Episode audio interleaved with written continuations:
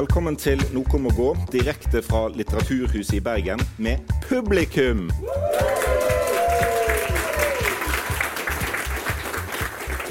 Jeg fikk, eh, jeg fikk, beskjed av Jens å være litt sånn på og litt sånn påskrudd på det, så nå har jeg brukt opp all energien min.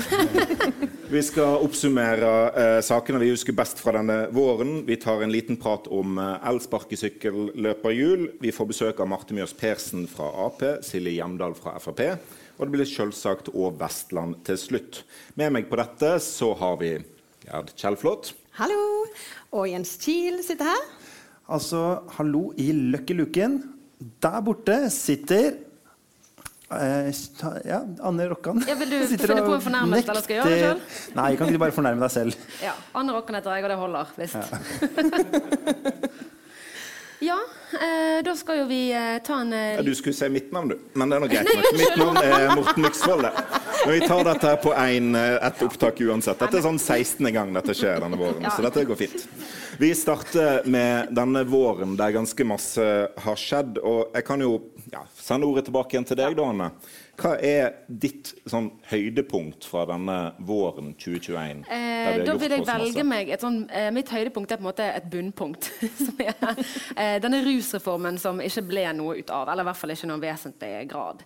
For Det var på en måte en, sånn, det var en sak jeg engasjerte meg veldig i, og jeg tror veldig mange opplevde veldig sterkt engasjement i det. og Fikk veldig veldig momentum. Og så var det bare en sånn skuffelse når det ikke eh, gikk. Og det var så, ja, jeg tror det var veldig fortvilende for mange. For det er jo en litt sånn, Rusreformen og avkriminalisering er jo litt sånn, du føler at du har sett lyset med en gang du skjønner at det er jævla lurt. Eh, så det oppleves sånn, sånn, utrolig at ikke alle skjønner det de skjønner. Så jeg tror det var en litt sånn, eh, det preget veldig de som fulgte tett med, som meg. Så det er på en måte den saken som har lagt sånn hele, mm. hele Før har jo vært veldig sånn at, at uh, mange av de her uh, misjonsorganisasjonene har jobba med at folk skulle se lyset for å komme ut av rusen. Mm. Og nå på en måte snur du mer om på det. Ikke sant? Jeg er jo på en måte sant, for hasjen. Sant? Det er det vi avkriminaliseringsforkjempere Vi bare for uh, ja, inn, i, inn i lyset. Ja, inn i tåken. Mm. Ja. Nei da. Det er ikke det det handler om. Men nei, det har vært, ja, det har vært en uh, så opprørende. Så jeg kommer til å huske den veldig godt. Men en ting er jo på en måte at rusreformen ikke ble noe av, men òg liksom, debatten rundt rusreformen syns det var forferdelig. At Jonas Gahr Støre gikk på talerstolen eh, på Arbeiderpartiets landsmøte og snakket om at det var en slags legalisering. At han liksom, etter flere års debatt fortsatt later som han ikke visste forskjell på å, liksom, at det skulle være lovlig omsett, uh, lovlig omsett av narkotika, mm. og det å på en måte at en skal ha noen doser straffritt på seg. Ja er liksom et slag i trynet på at dette var en reform som var drevet fram av kunnskap. Eh, og så blir han, eh, blir han eh, slått ned av si, alternative fakta. Mm. Jeg tror Det var noe av det som var så appellerende med denne debatten for mange. at det opplevdes som, eh, altså Høydepunktet var på en måte Bent Høie sitt sitat med eh, I uh, had wrong, you had right til Arild Knutsen, som er en, en rus, eh, altså avkriminaliseringsforkjemper. At det var et sånt øyeblikk der veldig mange politikere belitet seg ordentlig. De sa det er litt sånn, det strider mot intuisjonen å avkriminalisere narkotika. Hva med ungdommene? sant? Eh, og så bare tok de seg i et sånn Greit, det virker faktisk som det er lurt nettopp for å på en måte begrense skadevirkningene av rus. Eh, og det var litt så forfriskende for mange, tror jeg. At det var en sånn faktabasert debatt for de fleste eh, partiene. Ja. Mm. Rusreform, ikke noe av fin vår. Jens? Hva har du opplevd denne våren? Jeg tror altså, En av de absolutt mest fascinerende tingene denne våren var at jeg skulle vise meg Eller at jeg oppdaga at jeg selv brydde meg om forsvars- og sikkerhetspolitikk. Og det på en måte måtte jo det som måtte til for at det skulle skje, var egentlig at fire departementer rota frem og tilbake med dette oppkjøpet av, eh, eller salget av Bergen Engines oppi gata her til eh, noen russiske oligarker som liksom etter hvert som tida skred fram, så viste det at de sto stadig nærmere og nærmere eh, Vladimir Putin. Og, så det, det, viser jo egentlig at jeg bryr meg bare om lokalpolitikk forkledd som sikkerhetspolitikk. Men eh, jeg syns den saken altså, Det å sitte og høre Frank Bakke-Jensen, forsvarsministeren, sitte i Dagsnytt 18 i runde etter runde og slå liksom den ene vitsen eh, dårligere enn den andre altså når Ståle Ulriksen her på Sjøkrigsskolen snakker om sånn Dette salget får det til å gå kaldt nedover ryggen på meg. Så kommer det liksom løpende inn en forsvarsminister og sier sånn Ja, jeg veit jo ikke noe om klimaet i Bergen. Hø, hø, hø. Så sånn, kan ikke du bare stoppe det salget til russerne? Helst, og så kan du eventuelt slå vitsene dine etterpå. Det var jo òg en sånn, spektakulær høring der liksom, Monica Mæland framsto som ydmyk. Og det Det er godt gjort, altså. Eh, men, eh, men Frank Bakke-Jensen han, eh, han fant ut at Nei, jeg går rett i klinsj med Christian Tybring-Gjedde og fikk Christian Tybring-Gjedde til å framstå sympatisk og kunnskapsrik og, og, skikkelig på hugget. Så det var liksom alt du ikke trodde om norsk politikk, skjedde eh, i et møterom på Stortinget den, den dagen. Og det, det var veldig rart å se. da. Ja. Og så ble det jo eh, stoppa, men det var litt sånn også sånn Hadde vi bodd i Finnmark, så hadde det russerne føltes som en sånn en ting som lå oss veldig nært. sant? Mm. Uh, mens i Bergen så føles det liksom veldig, veldig langt unna. Altså, ok, En eller annen dag så kommer sikkert Færøyene med noen sånne sjarker eller et eller annet. Men plutselig så var det vi som var i sentrum av den forsvarspolitiske debatten.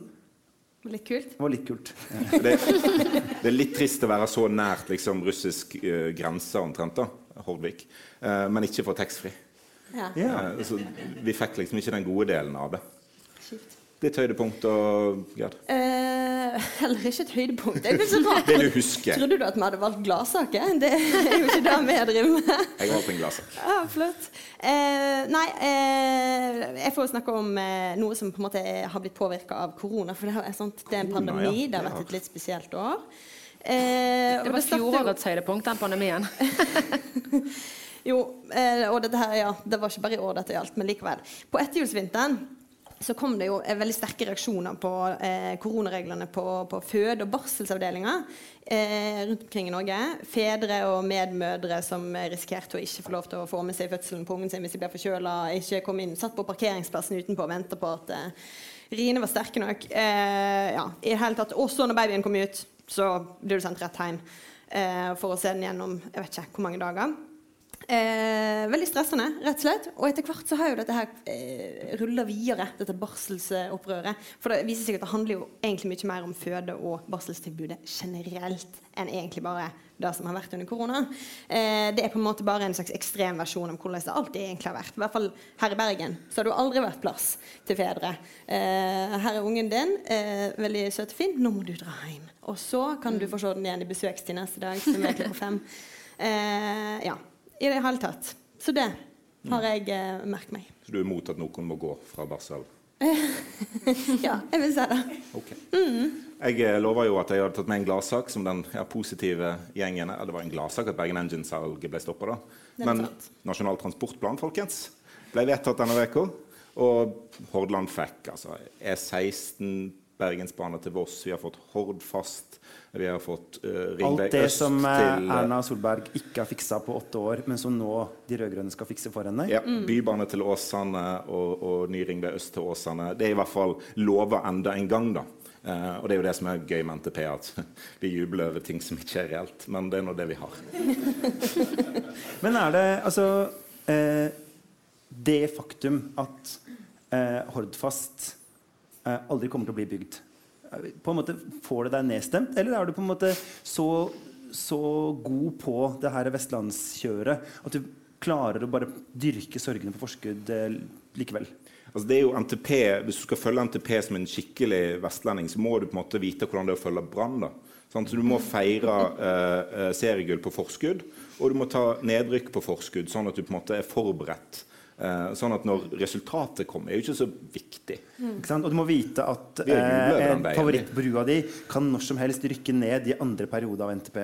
ja, det... Men, du er jo også, altså For jobben din sin del så må du jo håpe at det aldri kommer videre.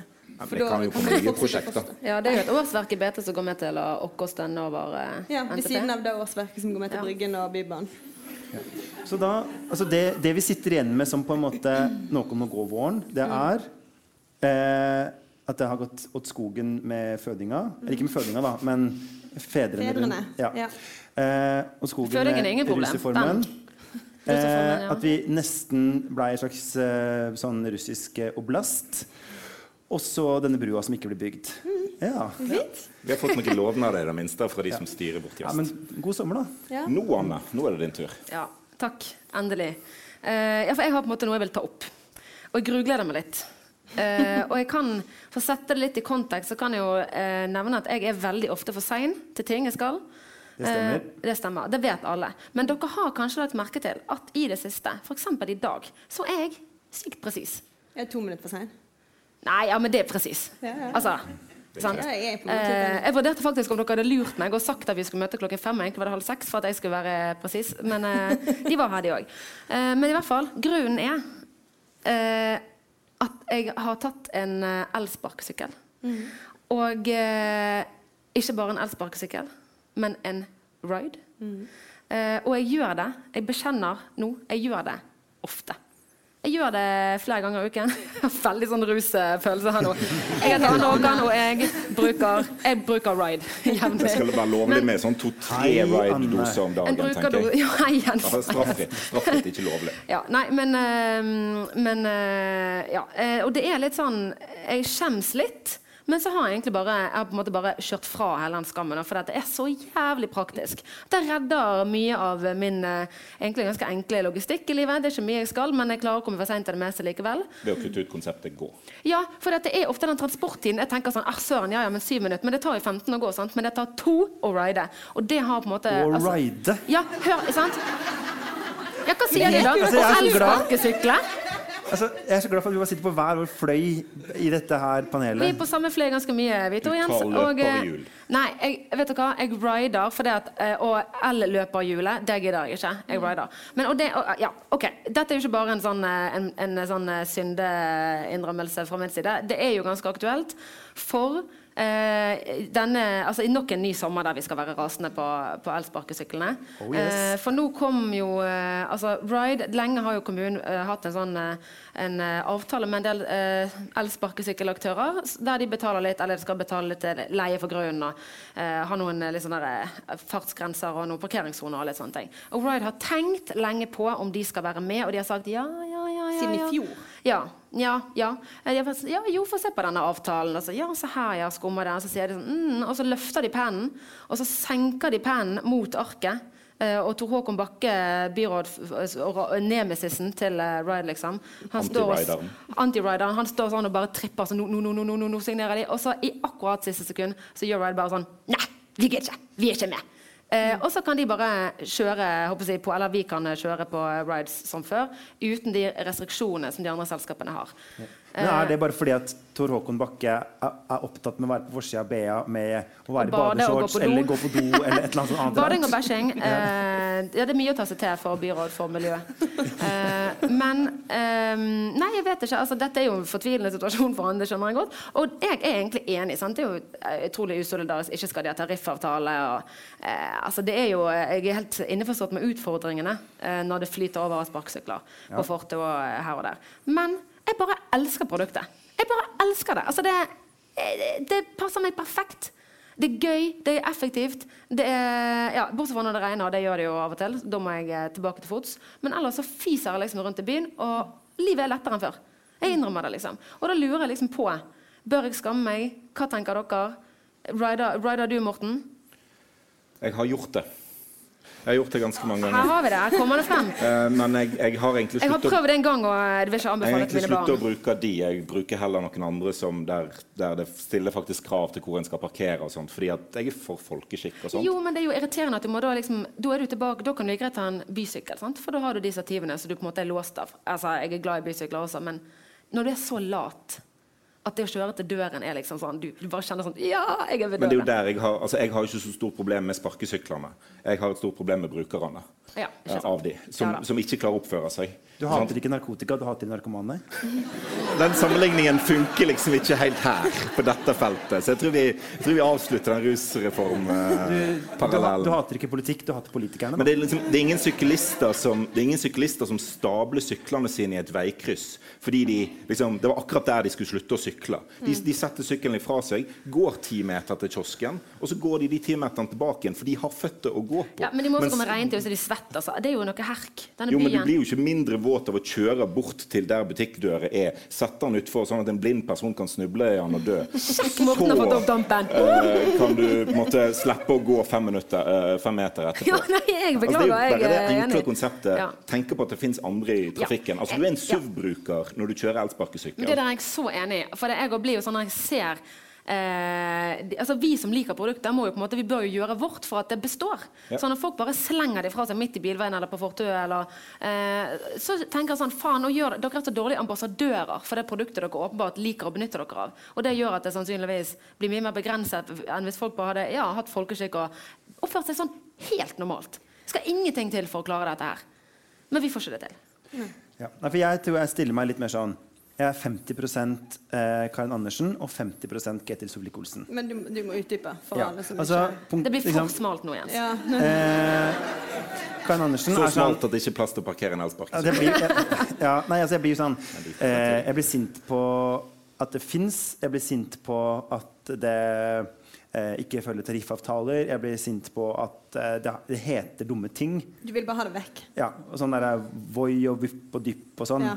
Hilsen Jens 85. Og så ehm, eh, Men samtidig, de gangene jeg er ute og kjører med min deilige Passat i Bergens gater, som jo er en ganske trang by fra før, og når det står en eller annen eh, altså sykkel på liksom, litt sånn på skrå, så jeg må stoppe bilen, ut, flytte den vekk, og så sette meg inn i bilen min igjen altså, Da er jeg helt sånn um, jeg kjente jeg begynte å snakke om det nå, så bare jeg helt sånn, jeg fikk lyst til å sparke det bordet. Fordi det er det verste, liksom.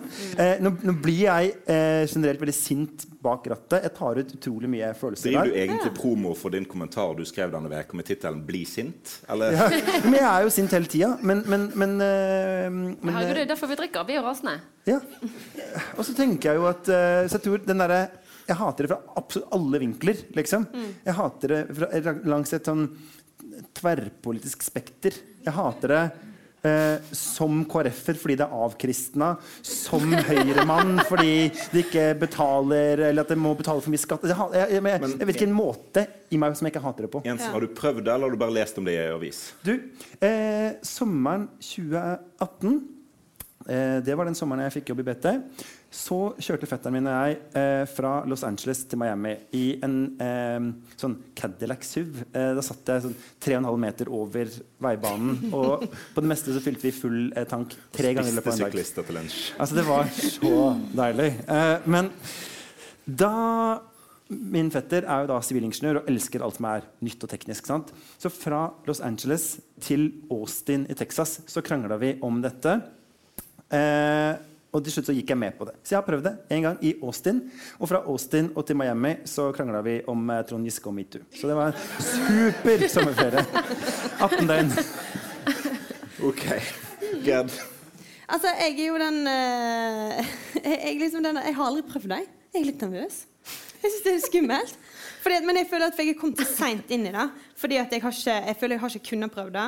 Eh, og så driver jeg hele tida og triller på barn og sånt, og da er det ganske upraktisk. Men Da har kan du ikke ride og rundt på ride med sånne enorme høyttalere og sånn? Eller de har sånn altså, Jeg har sett folk sånn. kjøpe sånn Ikea-bokhyller og frakte de hjem på riden sin. Så du tror jeg kan, er- kan jeg liksom Ja. hekte barnevogna på? Ja, jeg tror det er mulig. Eller hvis du tar én ride med barnevogn, og så kommer du på en måte bak på en til. Om du skjønner. Altså, den triller jo allerede. Ja, ja. Eller, Ja, eller ride med anbefaler ikke Nei. aktiviteten her. Men sånn, så jeg, og, og da føler jeg at nå kan alle andre det, og jeg kan det ikke. For jeg har aldri prøvd. Jeg vet ikke hvordan, hva jeg skal gjøre. Jeg er litt nervøs, så jeg, prøv, jeg tør ikke prøve. Det blir en sånn Noe om å gå-film, eh, Der er der vi lærer eh, Gerd å Uff, det er ride. forferdelig. Ja, det er veldig, veldig nødete. Men eh, ride. Ja, men det, sier, det er akkurat som å google. Altså, det er bare ingen andre søkemotorer vi kommer på. Altså, det er liksom, de har fått så forsprang, da. Men da Og det er sier du ikke å google. Ikke sant? Du sier å google. Du sier det på den norske måten. Du må si i hvert fall skal vi si å ride? Skal si å Ride. Ride? Å Ja. Jeg Søk det opp på verdenslederen, sier du. Da har du god tid. Hvis det er sånn du sier. Ja.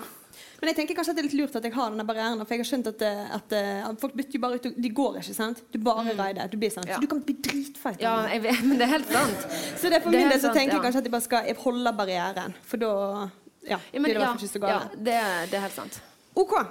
Men nå eh, er det på tide å få gjestene våre opp på scenen. Og da så vi sender vekk Morten og Anne. Tar Vi en liten runde. Ja. Eh, Dere har stemt oss ut, ja? Ja, ja. oh. Eh, og så skal, skal Dere får komme opp på scenen. Eh, det er altså gjester som stiller til valg denne høsten eh, for hvert sitt parti. Og etter alt å dømme, jeg tar sånn her bitte lite forbehold her, så skal de sitte på Stortinget de neste fire årene. Man må liksom gjøre det for, for liksom syns skyld. Velkommen, eh, ordfører Martin Mjøs Persen fra Ap. Ja, vi klapper.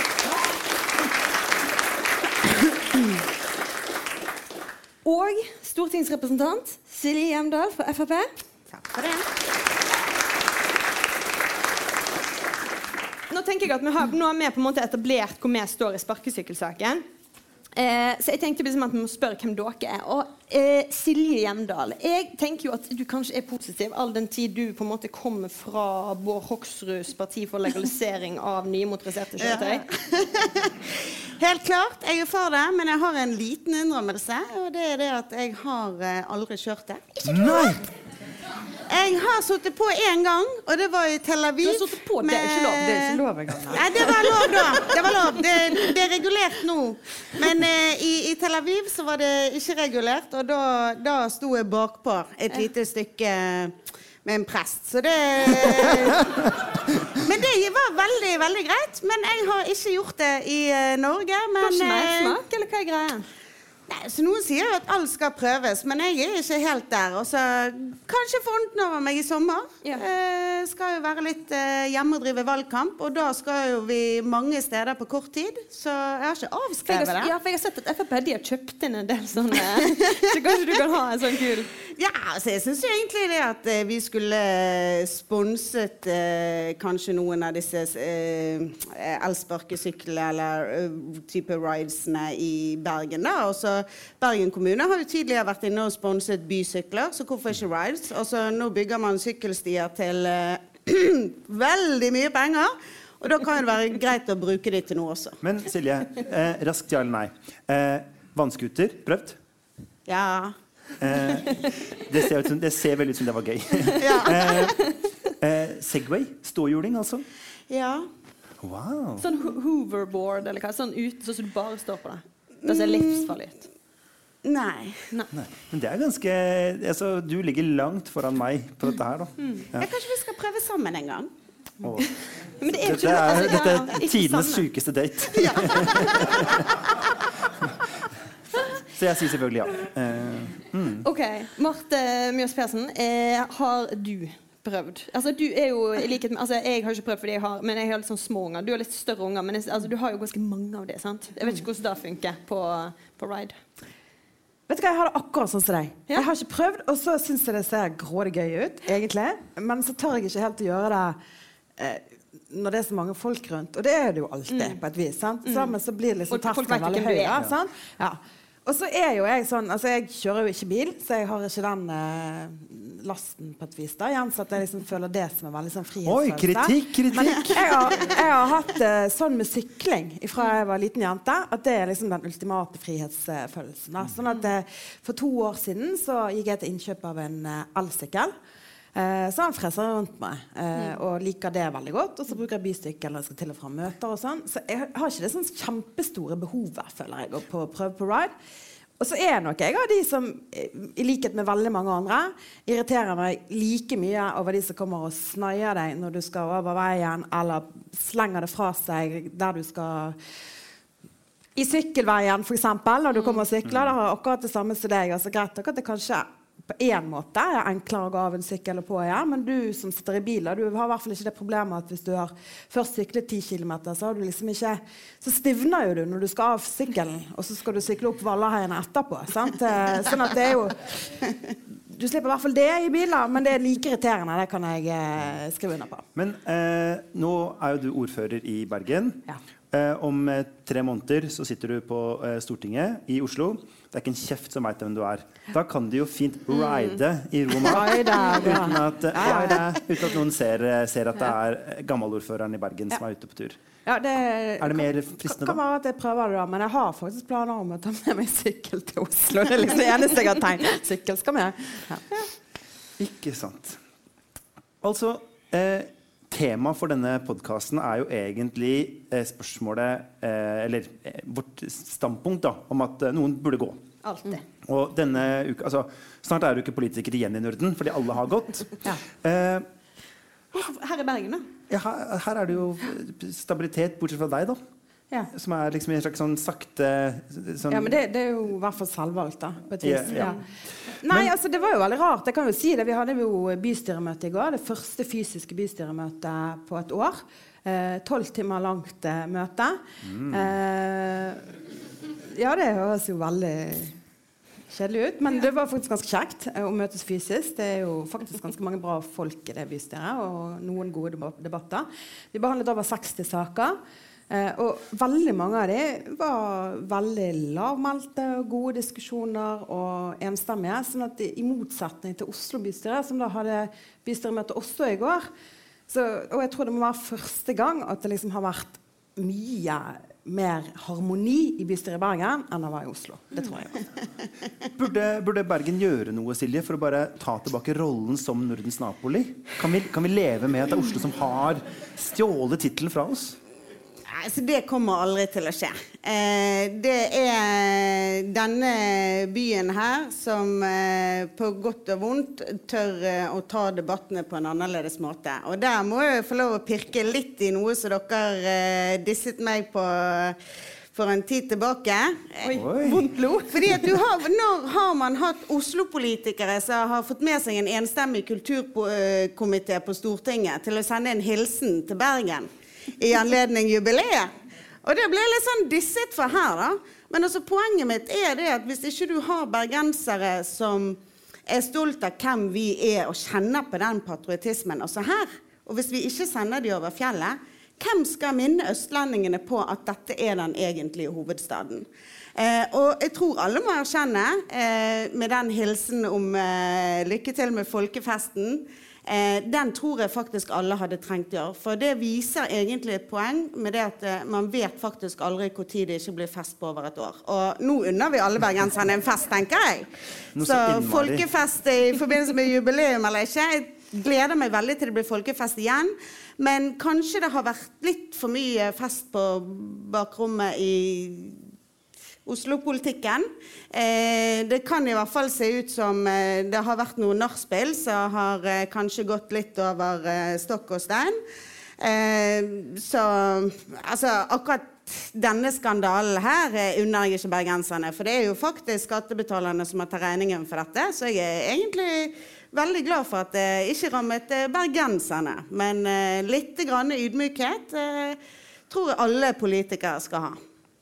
Ja.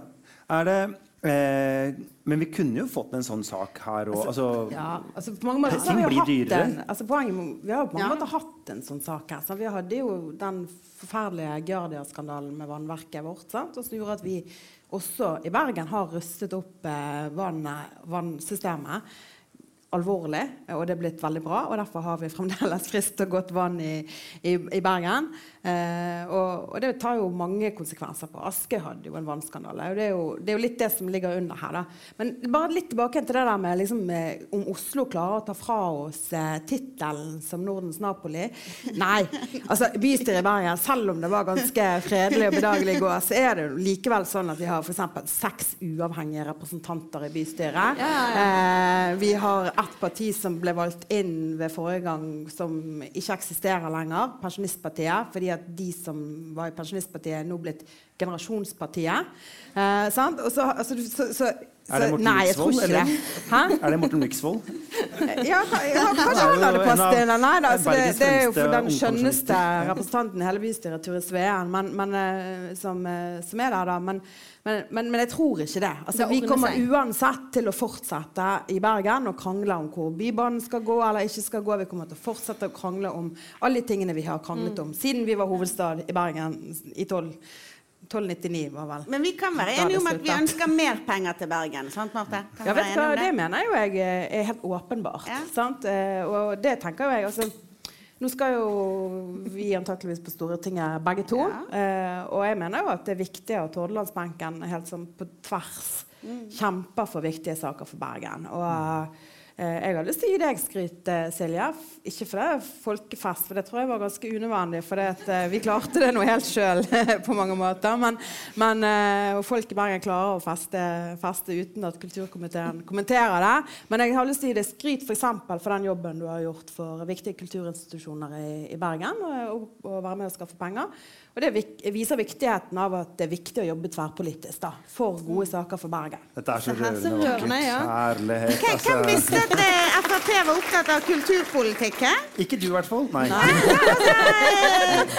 Jeg tror jeg har overrasket noen, men eh, du, du er ganske frempå du og da, Martha. Og, og når det gjelder en del av disse institusjonene som vi snakker om, bl.a. nå hjemmet til Grieg, sant, som trenger en oppussing, så tror jeg kanskje det neste Kanskje det kan være et prosjekt vi kan jobbe sammen om. Det er en veldig viktig sak. Men hvis jeg kan si det, da, så syns jeg at det er kjempeviktig at vi puster opp tar vare på gamle bygg.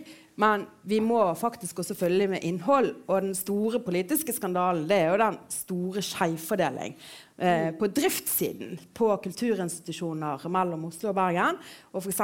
Kode, som vårt eh, store museum, eh, andre kulturinstitusjoner i Bergen, får så utrolig mye mindre på driftssiden. Så der er å slå en alvorlig alarm at det er fint med bygg. Men vi er nødt til å faktisk Si- fylle det med innhold. Sier det fra hvis vi kan få ordet her borte også. Men, men dette er jo veldig fint. Nå dere allerede snakker dere varme, dere skal sitte på Stortinget, og dere kan ikke dere jobbe med alt dette her nå til høsten. Men eh, la oss begynne litt før, da. For før dere får lov til å dra på Stortinget, så må dere i hvert fall drive litt valgkamp. Ja. Ja. Eh, De færreste eh, får jo oppleve det å drive valgkamp. Eh, mens dere har gjort det ganske masse. Så eh, vi tenkte at dere skulle få lov til å fortelle litt om det. Hvordan det er å eh, drive valgkamp. Og, og liksom hva, hva, Dere opplever det sikkert mye rart. Nei, vet du, altså, Jeg elsker å drive valgkamp. For det, at, eh, det er jo noe med at Vi som er politikere og dere som si, politiske kommentatorer, vi er jo opptatt av politikk absolutt hele tiden. Sant? Det er ikke vanlige folk.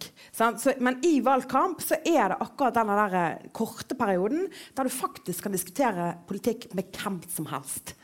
Eh, og det er utrolig gøy. Og vi i Arbeiderpartiet vi pleier å gå på husbesøk. Antakeligvis så kan det være at ikke det ikke blir helt akkurat sånn i denne valgkampen pga. denne pandemien. Men jeg har en litt artig historie. da. Jeg har egentlig ganske mange artige historier om folk som åpner døren i nettoen og sånn. Men, men det var en gang da jeg var på husbesøk, kom med roser, og så sto døren på gløtt. Og så så jeg ikke det for etter jeg hadde ringt på, at døren sto på gløtt. Men så hørte jeg liksom noen som roper innenfra. «Eh, 'Kom inn, kom inn, kom inn!' Og jeg liksom 'Ja, hei, jeg heter Marte, jeg kommer fra Arbeiderpartiet.' Jeg hadde med meg en stor bukett med roser og sånn. 'Ja, du må komme inn her.' Og så lå det en mann på sofaen da, i 70-årene. Eh, hadde akkurat blitt utskrevet fra sykehus og hadde vært operert i foten, så han kunne ikke flytte seg fra sofaen. Han trodde det var hjemmehjelpen som kom. Det var derfor han hadde satt døren på gløtt. Nei, da var jeg forklart jeg kom fra Arbeiderpartiet, og han sa det at Ja, vet du hva? Min mor hun var på TV-en med han der der Torvald Stoltenbergen i går. Og de så ut som et nyforelsket ungpar. Det var så pinlig! altså, det- det er jo utrolig vittig at en gammel mann er flau over at moren er på TV. Sant? Og at hun ser forelsket ut. da. Og han lå nå der og så tenkte jeg, ja, han må få roser, og han skulle nå stemme Arbeiderpartiet. Så det var ikke sånn at det var voldsomt stemmefiske der, for det gjorde han klart med en gang han kom inn døren. Så han må jo få noen roser. sant? Og så var det ganske skittent på bordet. Eh, så jeg tenkte vi kan ikke bare sette en bukett med roser på bordet uten å rydde og tørke av. og sånn. Så jeg gikk nå og hentet klut og vasket og tømte askebegre og ryddet og sånn. Og så hadde jeg funnet vase, funnet roser på bordet. Og så gikk jeg ut igjen på kjøkkenet da, med noen ga- skitne kopper. Og sånn, og så, roper han inn fra, fra stuen. 'Du, mens du er der ute, kan du smøre meg noen skiver òg?' og som ikke det var nok, da, så var det sånn at da det endelig var ferdig, vi hadde det veldig hyggelig, så hadde bussen med alle de andre valgkampaktivistene de hadde kjørt til byen igjen. Altså, Dette er jo eh, velferdsstaten komprimert. Ja, det var Og så er det jo i tillegg eh, min absolutte favoritting når bergensere parodierer bergensk. Eh, Ja, perfekt. Silje, Ja. er du, eh, har du opplevd noe like eh, hjertevarmende? Eh, jeg har mange hjertevarme historier. Eh, men eh, det er vel ingen som har bedt meg smøre skive til det. Jeg har servert selvfølgelig Mye vafler. Og jeg har også vært på en del hjemmebesøk. Vi har jo ingen sånn dørbankaksjoner i Frp, men det hender jo at folk inviterer oss hjem. Eh, her for en liten stund så gjorde jo faktisk eh, Trond Moen det samme. Det var jo litt artig. Det pleier å være ditt parti, Marte. Eh, men eh, tror det fortsatt er det. For å si ja, det sånn. ja, ja.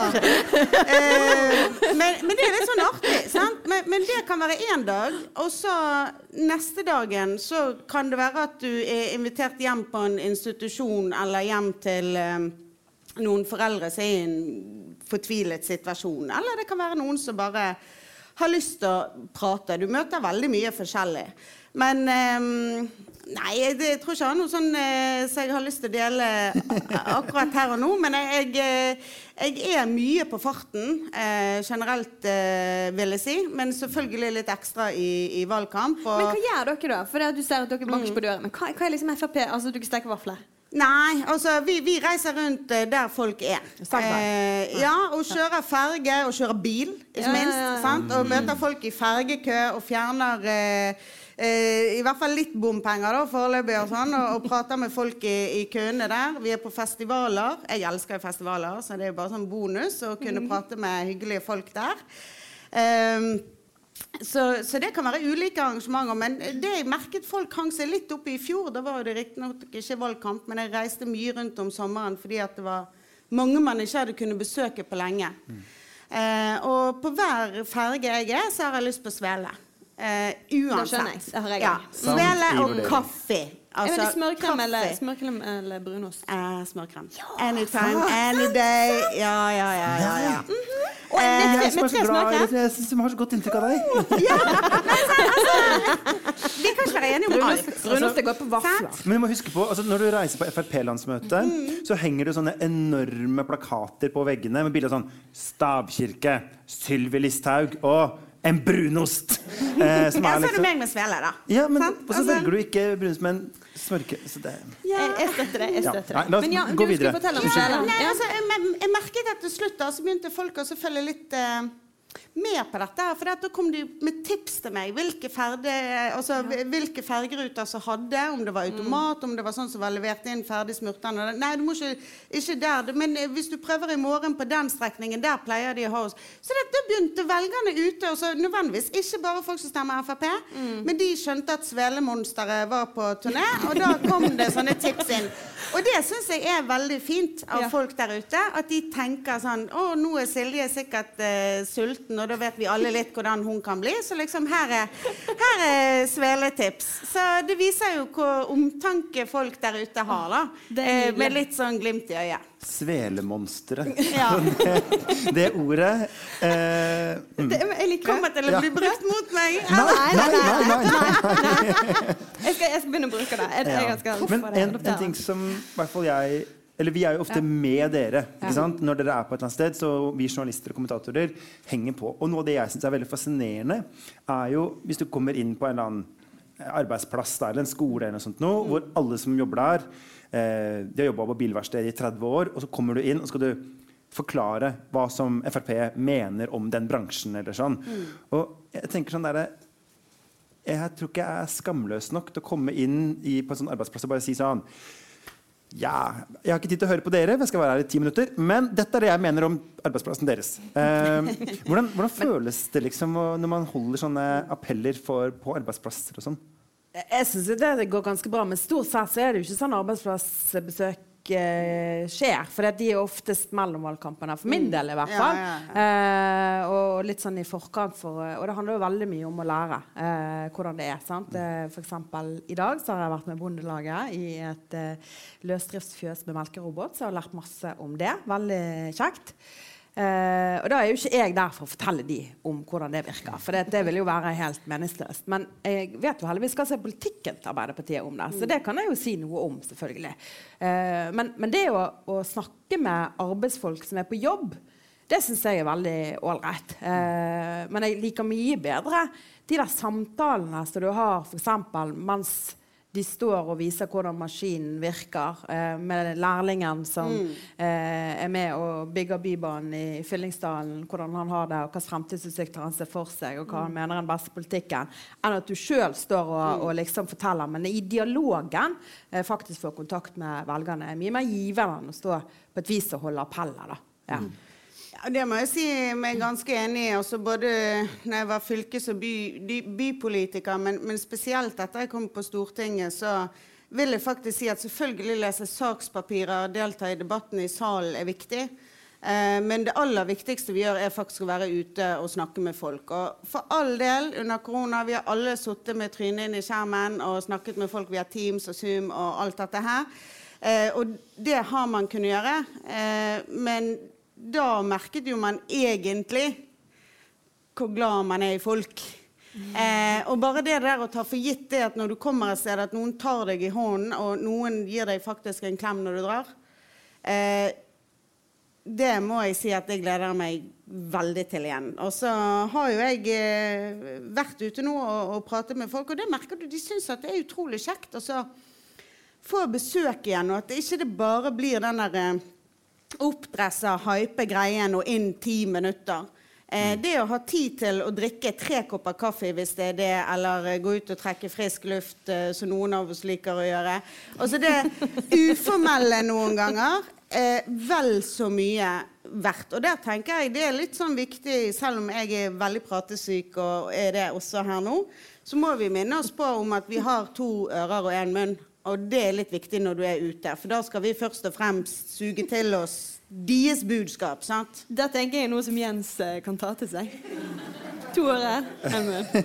Jo, men det, Det er gjelder bare å, liksom å, motto. da, Og da må man passe på at forholdet blir riktig. ikke sant? Altså Litt sånn som at Hvis det bare er Hvis det bare er én munn, så må jo den bli på en måte prioritert opp. Snakker dobbelt så mye som ørene.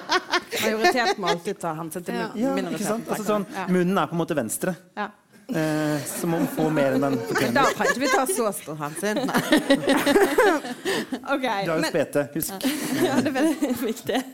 Eh, hvis vi skal være litt sånn eh, ærlige, da, så er ingen av partiene deres er sånn helt i støtet om dagen.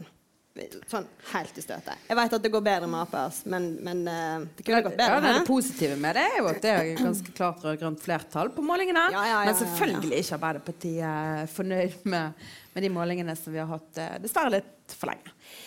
Men eh, med det sagt, da, hva saker trenger dere eh, nå for eh, at blir viktig i valgkampen, sånn at eh, dere kan liksom, få vist dere? tenker dere? Hva saker ønsker dere at skal bli viktig i denne valgkampen? Her i vest Først og fremst eh, her så tenker jeg det er arbeidsplasser. Eh, og da snakker vi olje og gass. Eh, det er ett parti som er krystallklar på hva vi mener om det, og det er Fremskrittspartiet. Og det er tusenvis av familier som er opptatt av det i denne valgkretsen. Så det blir faktisk viktig å snakke om, fordi at jeg tror klima kommer til å bli en stor diskusjon. Eh, og da må vi klare å ha en balanse i debatten. Så det, det, er det, det jeg håper at ikke det blir en sånn her veldig svart-hvitt. Ja, men er du glad eller lei deg for hvis klima blir en stor ting? Er det bra for Frp? Eh, jeg tenker at det kan være en helt grei sak for Frp å stå i. Fordi at eh, de an alle de andre partiene konkurrerer om hvem som skal ha mest ekstrem symbolpolitikk. Eh, mens der er ikke vi. Så jeg ønsker den vel eh, debatten glede velkommen. Det samme som jeg gjør med vei. Jeg er veldig for å bygge vei, og så kan andre være imot det. Men Bare jeg ikke må snakke om bompenger. Hæ? Bare dere ikke må snakke om bompenger. Nei, det, altså det er også helt greit. For det er bare vi som er imot også. Så det er helt greit. Marte, du skal jo inn i valgkampen og drive med ekstrem symbolpolitikk. Hvordan blir det for dere? Men uh, ja, det kan jeg si noe Men bare, for det, poenget er jo at det er et utrolig interessant spørsmål du stiller. fordi det er jo det alle partiledelsene i alle landets partier stiller seg. Og hvis man hadde visst det eksakte og det nøyaktige svaret og kunne sett hele bildet, så hadde jo på et vis vi bevisst nøkkelen til å gjøre brakvalg. Sant? Så Derfor så tror jo jeg at det, det er ingen politikere som kan svare veldig godt på det. Men vi har jo valgt noen hovedsaker så, på, på bakgrunn av det vi tror eh, blir viktig. Og så tenker jeg da at med denne her pandemien som et bakteppe, sant? Eh, der eh, vi har sett at det har vært økende sosial ulikhet, der vi ser at eh, veldig mange unge som jeg snakker med, er dypt bekymret for fremtiden sin. Og det handler ikke bare om klima og om vi klarer å løse klimaproblemene, men det handler også om de tror at de kan klare seg med én jobb, med bare én inntekt, eller om de må ha to jobber for å klare seg. Om de i det hele tatt klarer å komme inn på boligmarkedet. Det er en rekke bekymringer unge mennesker har i dag. Og da tenker jeg at den viktigste oppgaven politikken har, det blir å løfte vekk det teppet og så se hva som er under. Og da er jo Arbeiderpartiet klar for å være med og være aktiv i gjenoppbyggingen i det. Og da er det, jeg er helt enig i at arbeid til alle er jobb nummer én. Det er liksom Arbeiderpartiets store slagord. Veldig viktig at vi ikke bare bruker et slagord, men fyller det med innhold. Skaper arbeid. Aktiv næringspolitikk. Eh, at vi fortsetter å utvikle velferdsstaten. Og ikke minst at vi har en klimapolitikk. Fordi Vi er nødt til å løse klimakrisen, men vi må gjøre det også på en måte som eh, utvikler Norge, som skaper flere arbeidsplasser. Og her på Vestlandet har vi alle muligheter til det. Sant? Vi har kompetansen, vi har teknologien, vi har eh, menneskene. Vi trenger en aktiv næringspolitikk og en aktiv stat som bidrar til at vi, vi gjør det. Mm. Olje for arbeid og velferd, for eksempel. ja, men dere, dere, skal, dere, nevner jo egentlig de samme sakene, da. Omtrent. Så dere skal bare ha litt uh, ulik innfallsvinkel. Dere har jo også nesten likt det vi snakker om, nesten likt uh, slagord. Eh, hva er det? Vanlige folk til vanlige folk? det. Og, ja, eh, For dere har jo slutta folk flest og begynner av vanlige Folk flest, ja, ja, ja. Men, Men er det ikke enklere hverdag for vanlige folk? For folk flest. Det sto vanlige folk på Frp sine landsmøtesider, og jeg syntes det ja, sånn jo, emneknagg, ikke mitt Fremskrittsparti. For, for, for, å fritte deg litt ut. Ja. Men eh, Nei, og, og det andre store, store saken jeg tror blir viktig, eh, for være, jeg skal prøve å være litt seriøs òg, Eh, det er helsepolitikk. Uten ja. tvil helsepolitikk. Det ser vi nå under eh, pandemien. Det eh, er utfordringer over hele landet. Altså, vi har alle en helse. Eh, uansett eh, om du bor i en stor eller en liten kommune, hvor langt fra du bor et sykehus, eller eh, hva som måtte plage deg. Så helsepolitikk, og der vil jo vi ha en ganske ulik tilnærming. Sant? Jeg mener jo det at uh, alt behøver nødvendigvis ikke være offentlig. Sant? Jeg er jo for ideelle og private aktører og mener at det viktigste er at folk får hjelp tidlig, ikke hva uh, navn du har på uniformen. Uh, der har kanskje Arbeiderpartiet en litt, en litt, annen vinkling, men jeg tror faktisk at helsepolitikk kommer til å bli viktig i denne valgkampen. Og, og, Derfor så har det også vært viktig for, for, Fremskrittspartiet å trekke frem eh, i bl.a. Eh, forliket om budsjett og nå, nå, revidert, med spesielt fokus på psykisk helse.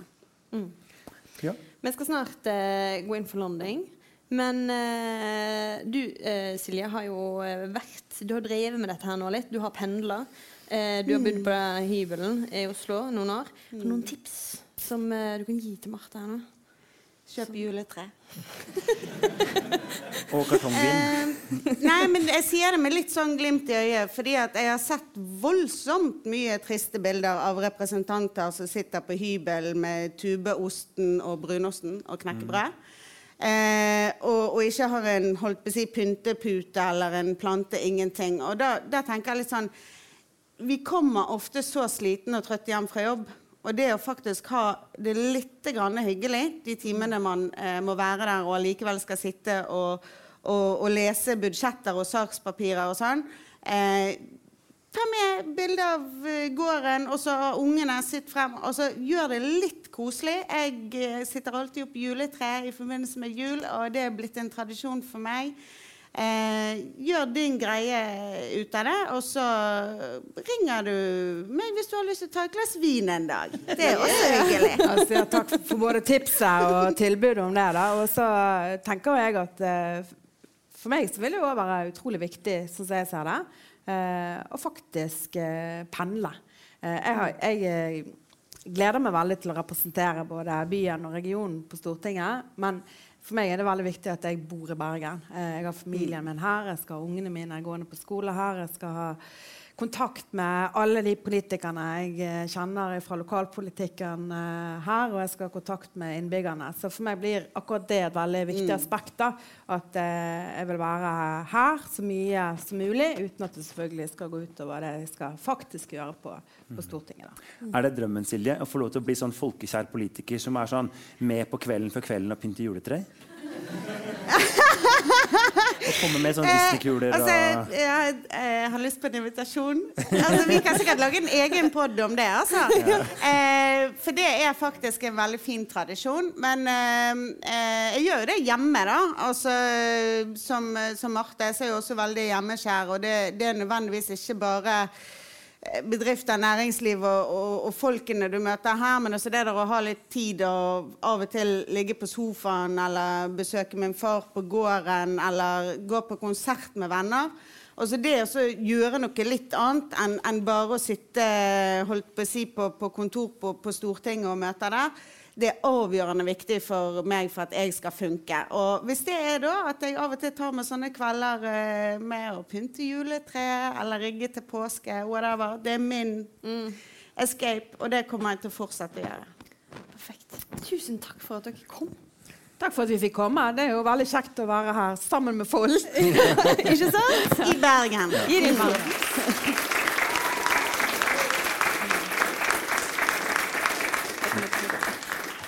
Da skal dere få gå ned igjen i salen, og vi skal få tilbake igjen Morten og Anne på scenen. For nå er det tid for vår faste spalte og Vestland.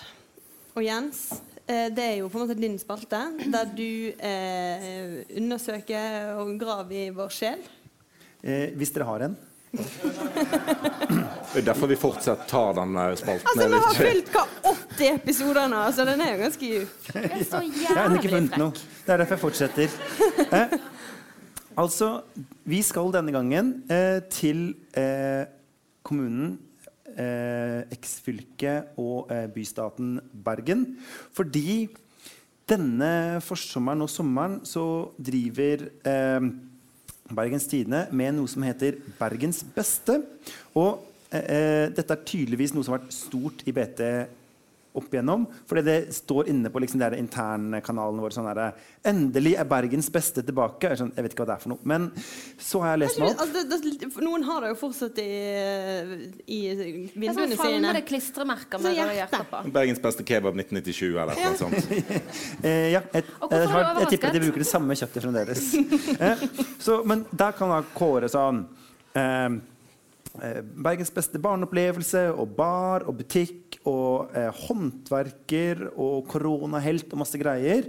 Og jeg tenkte at vi kan bidra og kåre eh, Bergens beste bykrangel. Hva er liksom den ultimate bykrangelen i en by som har så rikt eh, arsenal å velge blant?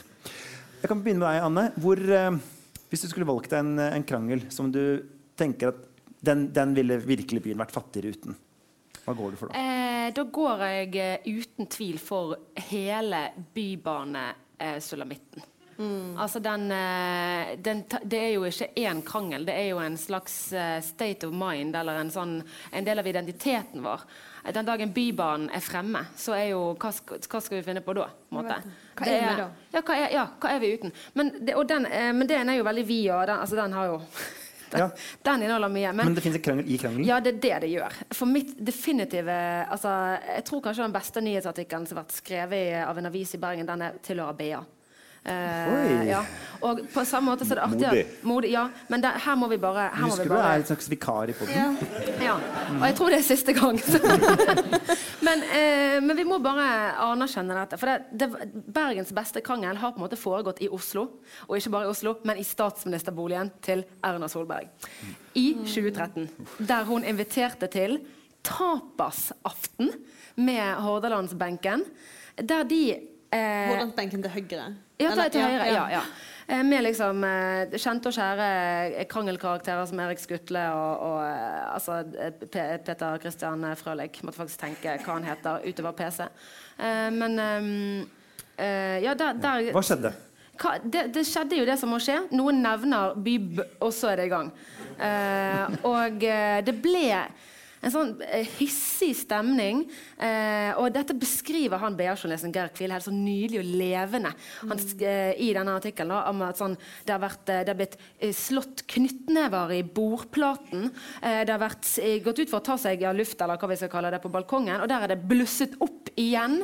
Eh, og det har vært, jeg ser jo for meg Og han beskriver sånn at Sindre Finnes, ektemann, har kommet ned fra overetasjen for å liksom bivåne dette her. Og det står at han f- flirer lurt til eh, selskapet og mens han skjenker seg en whisky. Ja, mm, jeg husker dette. Eh, og, i te- og jeg ser jo liksom for meg disse her sånn Monica Mæland med sånn som kaster bacondadler. Og at det er liksom sånn her, Erna sitter og sutter på en sånn her pigs in a blanket eller hva. Altså at det bare, å, det er liksom tapas Det er Men jeg bare, enig. ja. For det er veldig tenker- lettkastelig mat. Lettkastelig mat, ja. Og så, eh, og eh, min- eh, det er absolutt liksom Dette topper seg bare når helt sånn subtilt så klarer Geir Kvile da å snike inn at dette tilfeldigvis også var kvelden Nelson Mandela døde.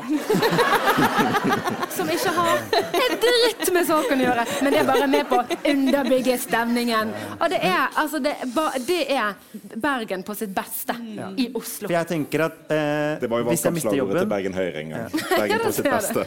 Det var Bergen Høyre på sitt beste. hvis jeg, hvis jeg mister jobben i BT, så skal jeg rett og slett bare søke et eller annet sånn eh, kjegleklubbselskap om en halv million, og så skrive musikalen om den kvelden. Ja, ja. Inkludert den der såre balladen 'Frihetens regn' om Nelson Mandela som dør.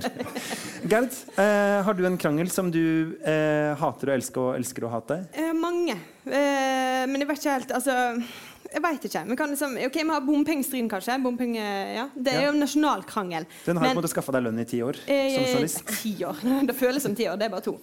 Men eh, eh, det er jo det, da. Well, well. Vi sa nasjonal krangel, men, jeg men vi kan være enige om at Bergen krangler den best. I all beskjedenhet. Ja, for det var et slags NM i bompengekrangel, Ja. og vi vant. Absolutt. Absolutt. Og det er jo, bare, altså, det er jo Trym Ampeløy sin fortjeneste, det som jeg skal anerkjenne. Han er personifiseringen av en irritert bergenser. Ja. Og- Ingen gjør det bedre. Men jeg synes, også når du da på en måte får det på den ene sida, og eh, Tor Håkon Bakke som klemmer en bomring på den andre sida Ja, jeg, jeg blir òg irritert av det, faktisk. ja, jeg, blir, eh, jeg blir lykkelig av det, for jeg tenker sånn Dette er eh, eh, det, Dette er liksom sånn det skal være. Altså, Altså, Tor Håkon Bakke er på en måte for Trym det Ride er for Tor Håkon. Ikke ta du hva jeg mener? At det er bare sånn Så må du! Hele tiden så bare Hei, klem inn eh, ditt og da. Altså, de elsker å irritere hverandre. Men konflikt trenger jo to gode liksom, motpoler, så det, der funker jo det veldig bra i den, Ja, det eh, var helt optimalt. den uh... vi tenkte jo sånn Å, nå inviterer vi Ap og Frp i podkasten. Og så sitter de bare sånn Du er så fin. Nei, Du er fin, ikke sant? Det er jo helt forferdelig. Det Da er det jo bedre med eh, Tor Håkon Bakke og Trym Måfløy Ja, det som blir bare neste episode. Ja. Ja, de inviterer vi. Det blir koselig.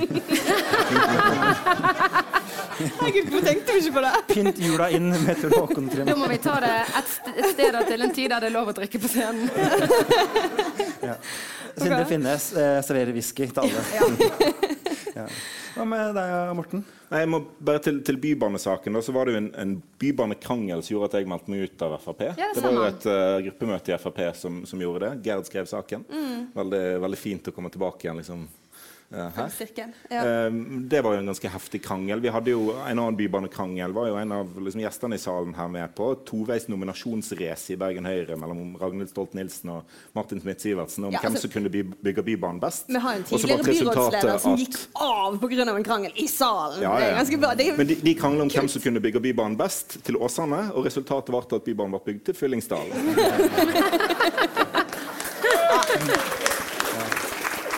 Det, det er Bergen Høyre på sitt beste. Men, men den krangelen jeg vil, vil nominere, er den som måte, bybanestriden avløste.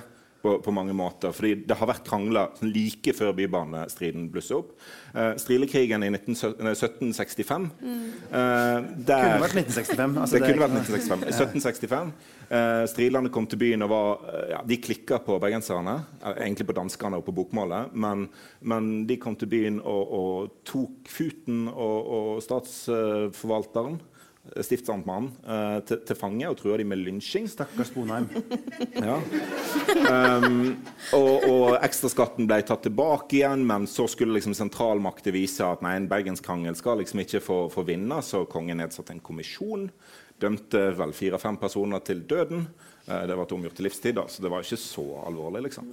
Eh, og så, bare for å toppe det hele liksom når denne korona... Nei, ikke koronakommisjonen. Tenk at du kan være så full og likevel være helt edru. Denne, denne, kommisjonen skulle da legge fram sitt resultat, og, og underholdningen eh, for En trenger underholdning, den skal legge fram, legge fram liksom, ting som fører til dødsdom. Mm. Eh, så oppretter en et lite liksom, spelelag eh, som vi i dag kjenner som eh, Filharmoniske or Orkesteret. Ja, dette er interessant. Men så, du som styrer da, hvordan var dette for dere? Under strilekrigen? Ja. Nei, det var, jo, det var, jo, vanskelig å få gjennomslag for ting, så det var derfor jeg ble uavhengig. Ja, Men er dette den første bergenskrangelen noensinne? Altså... Nei, Gerd, herregud. Hva er liksom den originale? Nei, det, har jo vært, det har vært importerte bergenskrangler òg. Det er jo en grunn til at vi har kanonkuler i tårnet på, på, mm. på domkirken. Og hvis du liksom graver nok inn bak bryggen, så finner du sånne pinner der de har rissa inn sånn Alternativ trasé. Litt rævhull. Der det bare står Peter Motsfeldts gate ja. med all caps. ja. Mm. Ja. Nei, men jeg tenker sånn Det er jo det jeg syns er så fint når eh, eh, At liksom all krangling blir jo bedre her. Altså når nå halve eller flertallet i Oslo bystyre har stått og sagt la han må gå, så er det sånn OK, velkommen til Brann stadion. Folk har ropt det i mange år. ikke sant? Vi kan dette. Eh, så jeg tenkte at vi rett og slett La han gikk før det var kult? er det du sier? Ja. ja la han måtte gå før det ble kult. Mm. Eh, men eh, at vi rett og slett kunne prøve en, eh, en, slags variant hvor vi tar et sånt applausometer, hvor dere i salen, siden vi nå har en livesending, mm. kan få lov til å avgjøre hva som er den beste av disse tre nominerte bergenskranglene. Eh, For vi i Bergens Tidende ønsker å involvere leserne litt. Ja. Det er sånn som vi har fått på PowerPoint-presentasjonen. Dette er det nærmeste vi kommer sånn digitale lesere. Ja, kryss dette av på listen. Så altså eh, Anne nominerer. Eh, Tapaskasting i statsministerboligen. Ja. Gerd nominerer. Bompengekrangel eller bompengestriden. Og Morten nominerer. Strillekrigen. All right. Så da eh, starter vi med eh, Annes eh, nominasjon. Og klapp nå for Tapas i Statsministerbordet. Tusen takk. Så tar vi eh, Gerd, som da eh, nominerte Bompengestriden. Hallo? Det er verdt å klappe litt for bompengestriden. Luft, lufta har gått fullstendig ut av det. Og til slutt eh, Tilbake til eh, da Morten var ung. Strilekrigen. Det høres ut som vi må ha en, en, en finalerunde. En klapp-off. Mellom eh, eh, kjøttbollekasting og eh, strilelynsjing. Så... Men altså, Silje Hjemdal har klappet på alle. Hun kan jo ikke begrense seg. Men, det, men, jeg er helt enig. Det er lov. Det er lov. Hun tar applaus oljefondet. Um, altså, jeg mener at jeg vant den avslutningen. Stop the vote. Nei, nei, nei. stopp. Ok, Dere får en siste mulighet. Uh, Anne, altså Kjøttbolle-Anne, klapp nå.